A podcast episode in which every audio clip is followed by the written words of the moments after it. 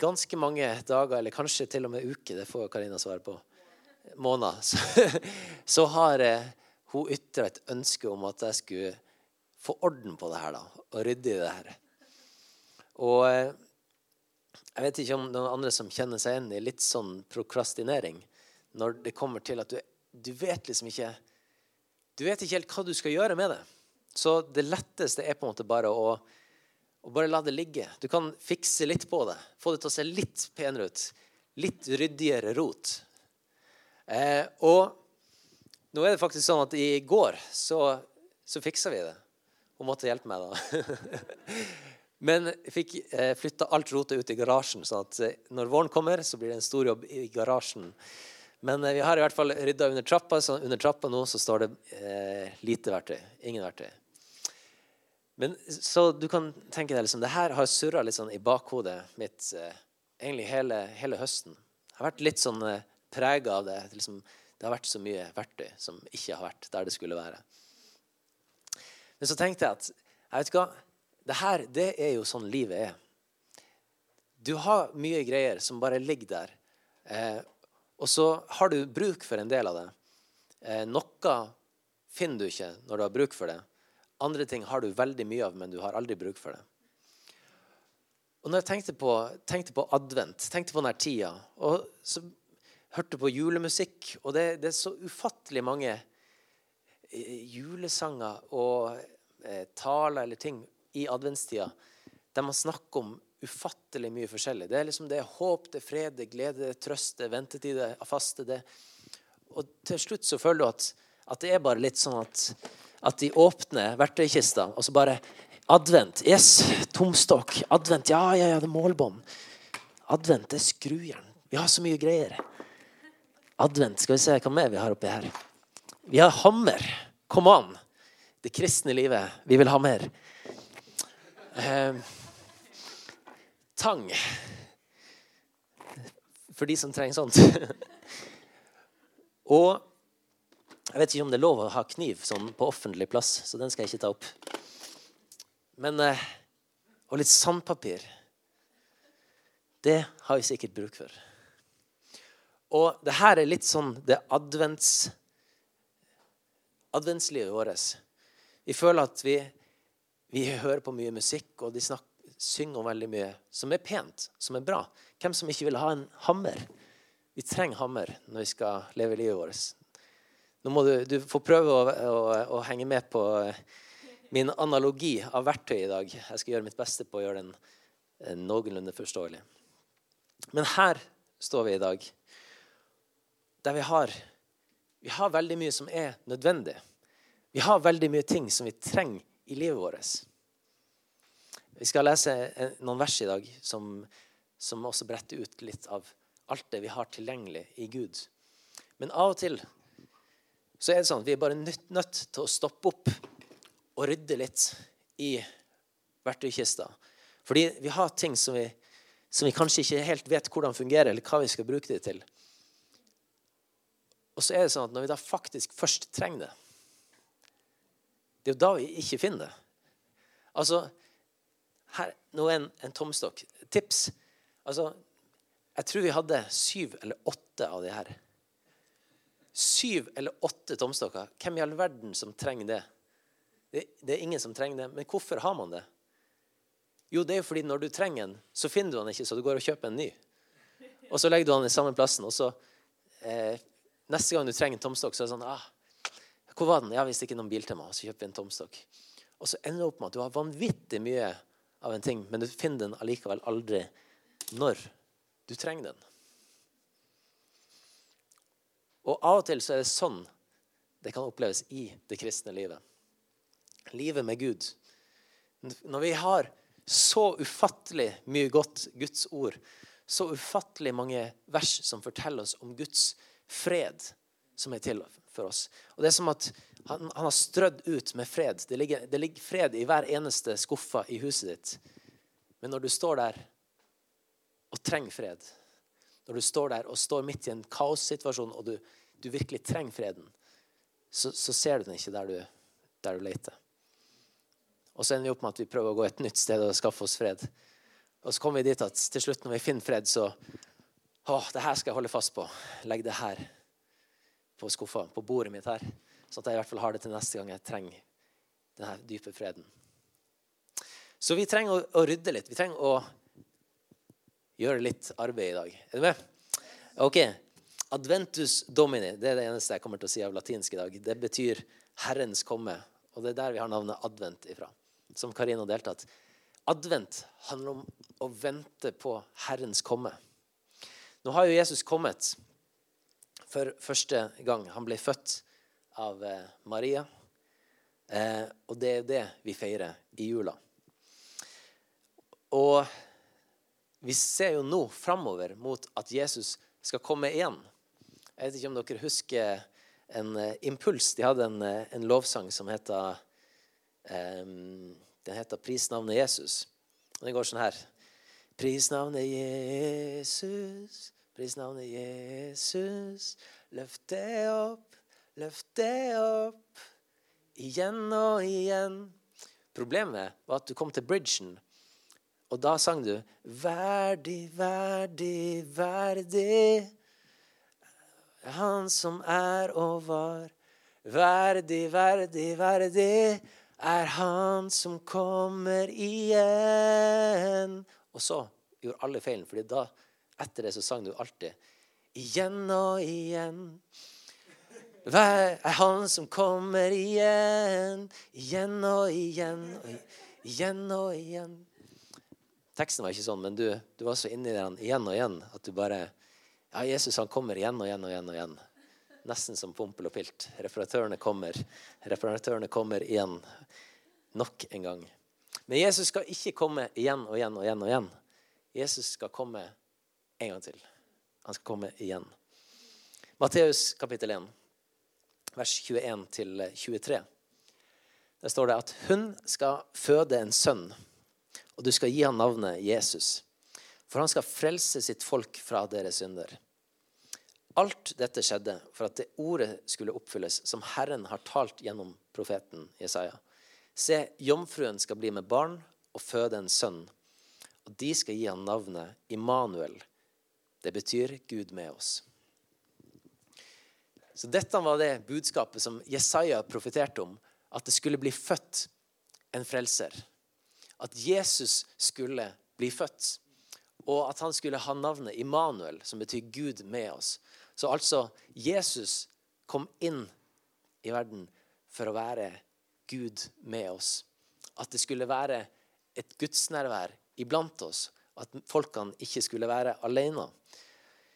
I Gamle Testamentet så leser vi i 2. Mosebok, kapittel 29, så står det så vil jeg bo midt iblant israelittene og være deres Gud. De skal få kjenne at jeg er Herren deres Gud, som førte dem ut av Egypt for å bo midt iblant dem. Jeg er Herren deres Gud.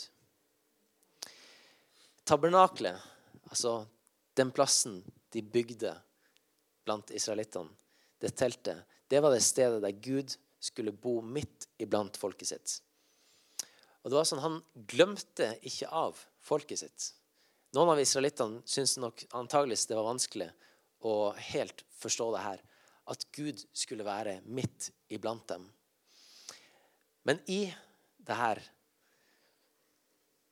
så står det at de skal få kjenne at jeg er Herren deres Gud, som førte dem ut av Egypt for å bo midt iblant dem. Jeg er Herren deres Gud. Så i den vanskelige ørkentida til israelittene, så bodde Gud midt iblant dem og var Immanuel, Gud med oss.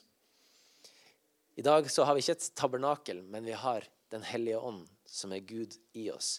Gud har tatt bolig i oss.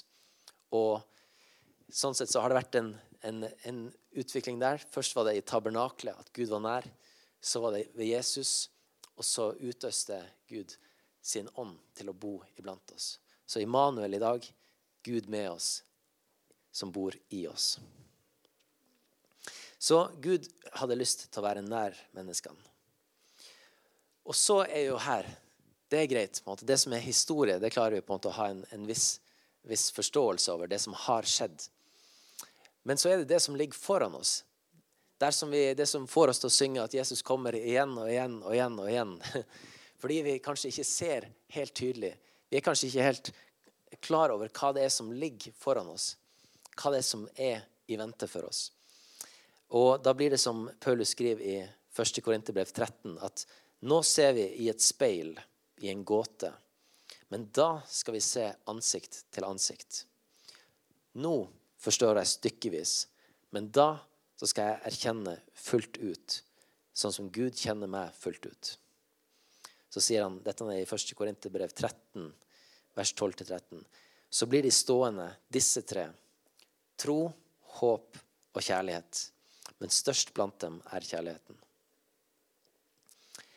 Paulus snakker her om, om, om tre jeg kan, kan, kalle det et, tre typer verktøy, eller tre ting som ligger i verktøykassa vår. Si, dette er ting som er hvis du har vært eh, kristen i mange år, så er det her på en måte noe du Dette er ting du har på en måte i kassa di. Det er jo Hjertet ditt får være illustrasjon på verktøykassa i dag. Det du har i kassa di. Tro, håp kjærlighet. Dette har du fått på en måte Dette har blitt kjøpt inn, man har lagt inn litt tro. Og så har du fått håp. Og så har du fått hele fem meter med kjærlighet. Det har du fått deponert inn i kassa di som en kristen. Og så er det det her, da Å klare å finne tak i det riktige når vi har bruk for det. Å klare å forstå hvordan ting henger sammen. Hvis, hvis dette er kjærligheten, ok, da må jeg vite hvordan jeg bruker den. Jeg må vite hensikten, jeg må vite hva det er Gud har kalt meg til å bruke denne kjærligheten til. For denne kjærligheten den funker på en veldig annerledes måte enn denne kjærligheten. Dette kalles broderkjærlighet. Søskenkjærlighet. Den ser ofte sånn ut. det kan være litt hardt, men man, man, mener det godt. Men sant? Av og til så forveksler vi de her verktøyene. Av og til så tenker vi at kanskje det her er kjærligheten. Mens egentlig så er det noe annet. Når vi skal ta for oss på en måte Når vi skal se på vårt eget liv. Hva er det egentlig Gud har gitt oss? Hva er det Gud har kalt meg til å gjøre? Hvordan har Gud kalt meg til å leve ut livet mitt? Og hvordan skal jeg leve i hverdagen? Så sier Paulus at de blir stående, de her tre. Det er litt sånn at når du da har rydda og funnet ut alt du har i verktøykista di, så er det til slutt det er tre ting som blir stående tre ting som er, som er brukende. Du må ha tro, håp og kjærlighet. Viktigst av dem, størst blant dem, det som blir stående igjen, er kjærligheten. Så vi lever i en slags spenning her mellom tro, håp og en realitet, kan vi si. I Hebrevbrevet så står det om troa, at troa vår det er en full overbevisning om det vi ikke ser. Men troa, den skal vike plass. Troa vår kommer ikke til å vare evig. For troa vår kommer til å bli fullbyrda i det synlige når Jesus kommer tilbake. Da ser vi det fullt og helt ut. I 2. Korinterbrev kapittel 5 vers 7 så står det at vi vandrer ved tro, ikke ved det synlige. Så vi, vi vandrer i tro. Vi har troa vår på Gud. Troa, på Guds løfter, troa på Guds ord. Det som han sier i ordet, det er vår tro. Det er det vi holder fast ved. Håpet vårt, håpet om et evig liv, håpet vårt vil, vil bli til en erfaring. Sier, eh, Paulus sier det i Romerbrevet 8,24. For i dette håpet ble, blir, blir vi frelst. Men et håp som blir sett, er ikke lenger noe håp. For hvorfor håper en fortsatt på det en ser? Hvis vi håper på det vi ikke ser, lengter vi etter det med utholdenhet eller tålmodighet. Så håpet vårt handler jo om å strekke oss etter noe som ligger der foran, noe vi ikke ser. Altså, Vi håper jo at, at TIL skal vinne Eliteserien. Vi vet jo at det aldri kommer til å skje, men vi, vi Det er et annet type håp. Det er et, eh, ja, det er et eh, rart håp. Det må du bare slippe. Nei da. TIL skal bli stort igjen. Vi skal vinne. Troms idrettslag. Men håp, et håp er jo til noe vi ikke ser. Til noe som vi ikke har sett fullbyrda ennå. Og det er jo det kristne håpet. At når Jesus kommer igjen, så skal vi få lov til å, å ta del i det evige livet, som egentlig har starta allerede i oss. Det står at, at Gud har lagt evigheten ned i hjertene våre. Så når vi tar imot Jesus som frelser i vårt liv, så har han gitt oss et nytt liv på innsida. Det står at vi er et nytt menneske. Et menneske som egentlig hører evigheten til. For det er Guds ånd som bor på innsida av oss nå. Og Guds ånd skal ikke dø. Når jeg pakker sekken og kler av meg Conversene og sier 'takk for meg en vakker dag', så skal ånd i meg fortsatt leve. Fordi det er Guds ånd som er plassert i meg. Eh, sjel, altså, det som er ellers av, av Simon her, det blir ikke så pent å se på. Det kommer til å råtne bort og bli til jord igjen. Men det som Gud har plassert i meg, det skal få lov til å leve videre. Det er det håpet vi lever i. Og jeg har lyst til å snakke litt om håp her. For det, eh, du kan gjerne, eh, hvis du noterer, så gjerne skriv ned Romerbrevet kapittel 15. Hele det kapittelet egentlig er et, veldig, veldig godt kapittel å sitte og tygge på utover søndagen i dag. Fordi Jeg skal bare ta med vers 12 og 13 her nå. Men, men gjerne les hele kapittelet i sin helhet når du kommer hjem. Romerbrevet 15, eh, vers 12-13, så står det eh, Paulus refererer jo ofte til det som er sagt av eh, profetene i Det gamle testamentet. Og det samme gjør han her. Han siterer Jesaja. Han sier Jesaja sier også Isais rotskudd skal komme, og han skal stå fram for å herske over hedningefolkene. På ham skal hedningefolkene håpe. Så Paulus refererer til Jesaja, som sier at, at hedningene, de som ikke var jøder, de skulle håpe på den her. Den som skulle komme, den som skulle være frelser for alle folkeslag. Og så sier Paulus i vers 13.: Men håpets Gud skal fylle dere med all glede og fred i troen, så dere kan ha overflod av håp ved Den hellige ånds kraft. Og der, vet du, der er vi. Paulus han bare Sleng det ut. Og når du leser der Du blir sånn OK, rolig nå, Paulus. OK. Håpets Gud skal fylle dere med all glede og fred i troen, så dere kan ha overflod av håp ved Den hellige ånds kraft. Og du føler at det her er så powerful, det er så mye verktøy, det er så mye bra. Men det blir bare sånn Se hvor mye verktøy vi har. Det er fantastisk å være kristen. Vi har så mye verktøy. Vi har så mye godt. Jeg vet ikke hva det er for noe engang. Men det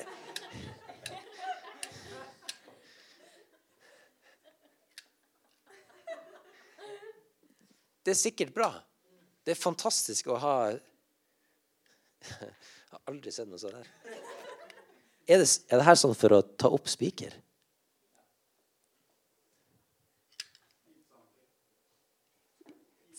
det er for å ta ut gipsanker.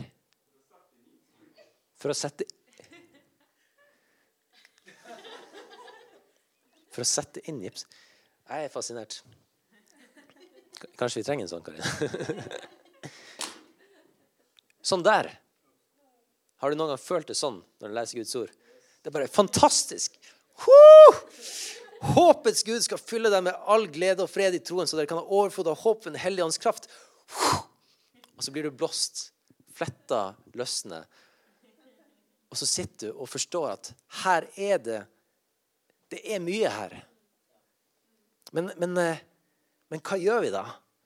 Hvordan skal vi vite når til, hvordan hva, hva gjør altså Romerbrevet 15, vers 13. Hvordan ser det ut i morgen i ditt liv? Når du sitter på, på studieplassen din og har studievenner og venninner rundt deg, og snakker om eh, hverdagen og hva som har skjedd i helga, og så føler du at ja, men jeg har, jeg, jeg fikk jo så ufattelig mye bra verktøy i går. Det var så mye, det var så mye greier. Jeg har bare lyst til å dele det. Og så er det litt sånn Ja, men hvordan, hvordan skal det her formidles? Det blir bare veldig rotete. For du kan, jo, du kan jo si at Ja, men folkens, hør på det her, da. Jeg har et bibelvers til dere alle i dag. Hør på det her. Håpets Gud skal fylle deg med all glede og fred i troen. Så du kan ha overflod av håp ved en hellig åndskraft. Og det kommer til å bli vekkelse rundt deg. Eller så kommer folk til å liksom Ja, det hørtes veldig bra ut. Så bra at du har så mye greier. Det var mange fine substantiv. Er det dette inni der? Jeg tror at det her er ufattelig kraftig. Jeg tror at det her er Altså, dette er ei skikkelig verktøykasse for oss. Det her er Hvis vi får tak i det her, hvis vi tygger på det, hvis vi setter oss ned og faktisk finner ut hvordan kan vi bruke det her Hvordan kan vi ta til oss og lære oss å leve med de her tingene? Hvordan kan vi forstå hva Gud har gjort for oss, hva Gud har gjort i vårt liv? Og eh, håpets Gud. Dette, dette skulle vært printa ut og gitt på sånne eh, små lapper. Det kan vi gjøre senere. Så kan du ha det med sengekanten din og, og tygge på. Romerbrevet Vi skal spole litt tilbake til 14, vers 17. Her tar Paulus opp De, de hadde noen vanskeligheter med at det var, siden det var jøder, hedninger og litt forskjellig, så hadde de forskjellige kulturelle eh, lover og regler i forhold til mat. Hva de kunne spise, og hva de ikke kunne spise. I dag eh, så er ikke det noe vi møter veldig mye på. Eh, de, folk har forskjellige preferanser i forhold til mat, og, og sånt, men ikke på den samme religiøse grunnlaget. Da. Men her sier Paulus at for Guds rike det består ikke i å spise og drikke. Altså, det handler ikke om måte, eh, den religiøse utlevelsen av eh, en si en, en lovisk praksis. Han snakker, eh, Du må lese Romerbrev 14, hele 14 også for å få med deg at, at som kristne så har vi et ansvar for å vise respekt for hverandre. Og han snakker om det her at, at eh, for hvis du ikke har noe problem med en ting, hvis du bevarer troa di i det, men andre har et problem med det, så skal du av respekt for dem avstå fra det mens du er sammen med dem. Så, men det, det, er en helt annen preken. Men det han sier her, at Guds rike består ikke i å spise og drikke, men Guds rike består i rettferdighet og fred og glede i Den hellige ånd. Rettferdighet og fred og glede i Den hellige ånd. Jeg tenkte på det her. Jeg husker en som heter Scott Wilson. Han prekte for en god del år siden om gleden i Herren. Han snakka om Jesus.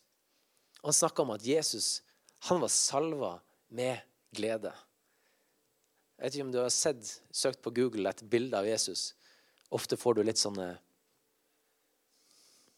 Sånn der. Sånn trist. Der han henger på korset. Eller han ser alvorlig på. Liksom. Men, men av og til så kommer du over et skikkelig bra bilde der Jesus faktisk smiler. Der han er glad. Jesus, vet du hva? Allerede før Jesus ble født, så eh, skapte han glede.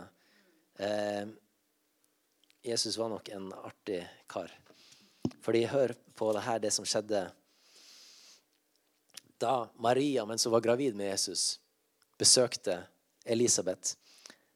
Og så står det at eh, Maria kommer inn døra hos Elisabeth. Og da skjedde det. Lukas kapittel 1, vers 41. Og det skjedde da Elisabeth hørte hilsenen fra Maria, at barnet sparket til i hennes mors liv. Fordi Elisabeth var også gravid. Så her er det ei gravid, Maria, som kom på besøk til Anna gravid. Du kan tenke deg det lydnivået der. Eh, at barnet sparka til i hennes mors liv. Og Elisabeth ble fylt med Den hellige ånd. Og ropte med høy røst og sa, Velsignet er du blant kvinner, og velsignet er frukten av ditt mors liv. Men hvorfor er dette gitt til meg, at min Herres mor skulle komme til meg? For se, med det samme røsten av din hilsen lød i ørene mine, sparket barnet av glede i mitt mors liv. Salig er hun som trodde, for det som ble talt til henne av Herren, skal bli fullført. Så Jesus, seks måneder på vei inn i Marias mage, kommer inn i huset til Elisabeth, og Johannes, som er da i Elisabeth sin mage, reagerer momentant med glede. Her er vår frelser kommer. Her er Messias kommet. Og jeg tror dette med glede Dette er en, dette er en gullgruve. Dette er en, glede er noe som jeg tror er ment til å ligge høyt oppe i vår verktøykasse. Glede er et sånn essensielt verktøy som vi kanskje sliter med å finne av og til. Gleden i Herren det tror jeg er noe av det aller, aller viktigste vi har. Og jeg tror Gud ønsker at vi skal være fylt av Guds glede. Han sier at, eh, Paulus sier at, at Guds rike består i rettferdighet, fred og glede. Og jeg tror fred og glede spesielt er noen nøkkelord her. Han refererer til de også i verset vårt, kapittel 15-13. Håpets Gud skal fylle dere med all glede og fred i troen. Og det er egentlig mitt mål her i dag.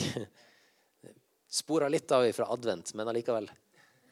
Det er jo andre søndag i advent, så da kan vi gjøre nesten hva vi vil.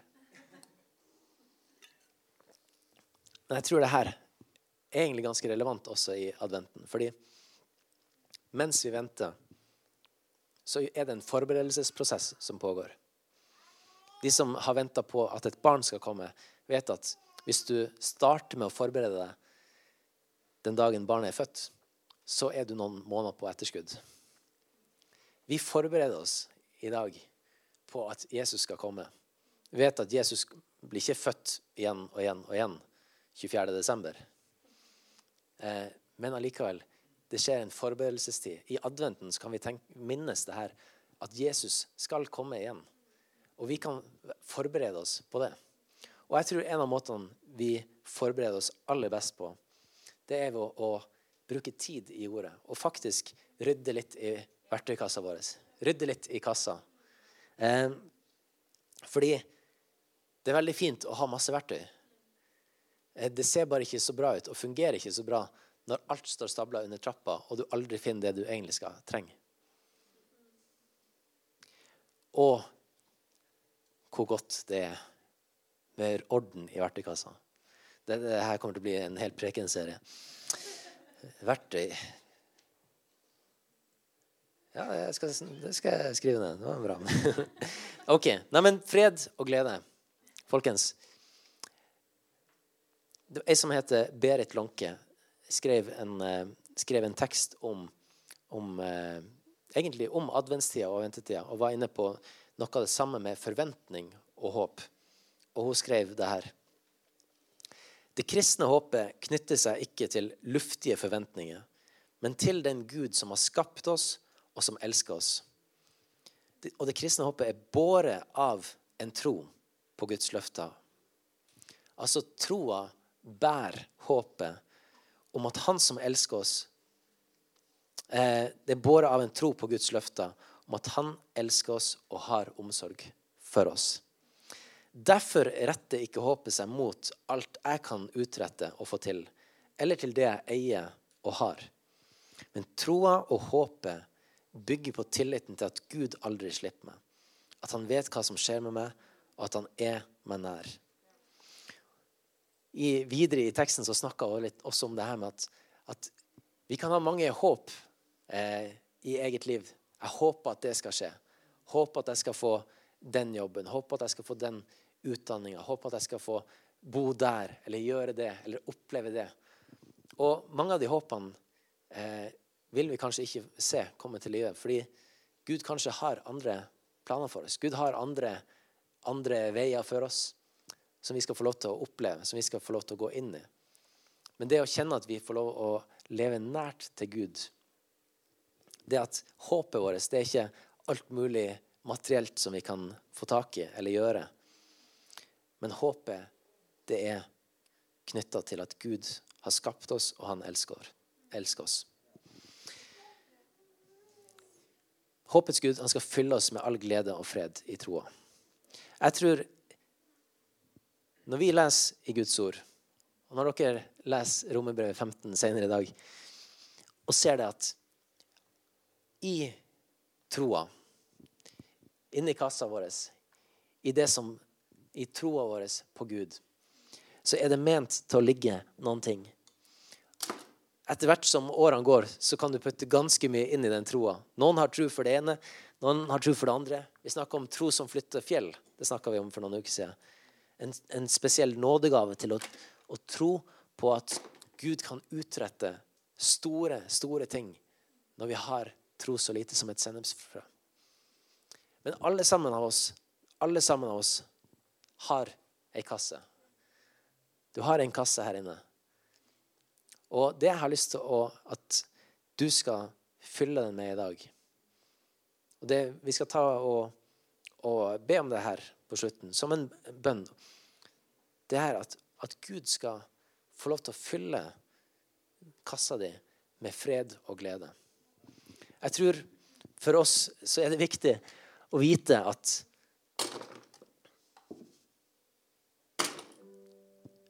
At det ligger i kassa vår.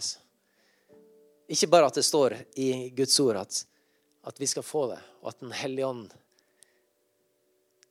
skal gjøre det tilgjengelig for oss. Men av og til så trenger vi også bare å vite at det ligger øverst. Jeg vet hvor det ligger. Det ligger i den skuffa. Der har jeg det. Hvor har du ditt håp? Har du ditt håp i egne prestasjoner? OK, skal vi ta og flytte det håpet over? Rydde litt i håpet og legge det ned der det skal være. Legge håpet ditt ned i Guds hender. Og få lov til å la håpet hvile i troa. Fordi det er der det er ment å være. Hammeren skal ikke ligge på pianoet. Den er lett tilgjengelig, og du kan fort finne den. Men håpet ditt er ikke ment til å hvile på prestasjoner. Eller det du kan få til. Håpet ditt det er ment til å hvile i troa på Gud. Troa på Guds løfter. At det som Gud har sagt, er sant. Og dette er noe som vi, hver og en av oss er nødt til å gjøre. Kanskje har du tida nå i adventen. Kanskje har du tida nå til å rydde litt i kassa di. Hvis du mangler hvis du mangler glede, eller hvis du mangler fred. Så det er én plass du trenger å lete. Det er én plass du trenger å fylle det med. Og det er å søke i Guds ord og la gleden din komme ifra fra Guds ord. Jesus han var salva med glede som kom fra innsida. Og når den gleden den er Når du henter gleden din ifra Guds ord, så vet du at den er akkurat der den er ment å være. Du har fått rydda opp. Og det er ikke kaos hver gang du tenker på å åpne Guds ord. Det er sånn at Når du nå åpner Guds ord, så kan du si at Herre, du, ditt rike, det er fred. Det er glede i Den hellige ånd. Og ved din hellige ånds kraft så kan jeg stå gjennom alle stormer. Fordi du, Gud, fyller meg med fred. Du, Gud, fyller meg med glede. Du er den som gir meg kraft til å gå hver eneste dag. Du har fått rydda i kassa di. Du har fått sortert litt i tankene dine. Hvis ikke jeg forvirrer deg nok i dag, så har du kanskje kommet dit at du forstår at det er meninga å måtte jobbe litt med troa. Det er meninga om at vi må rydde litt. Paulus snakker om det å arbeide på vår frelse. Vi er nødt til å, ta ansvaret sjøl for at vi vet hvordan ting fungerer. Kanskje trenger vi å spørre mer. Kanskje vi trenger å ta en prat med noen hvordan, hvordan ser de kasse ut? Hvor har du lagt hammeren din? Hvordan funka ditt system? Hva gjør du når det skjer? Hva gjør du når du merker at du blir motløs? Hvor er du å hente verktøyet du trenger? Der har vi noe å tygge på. Der har vi noe å dele med hverandre. Del verktøykassa di.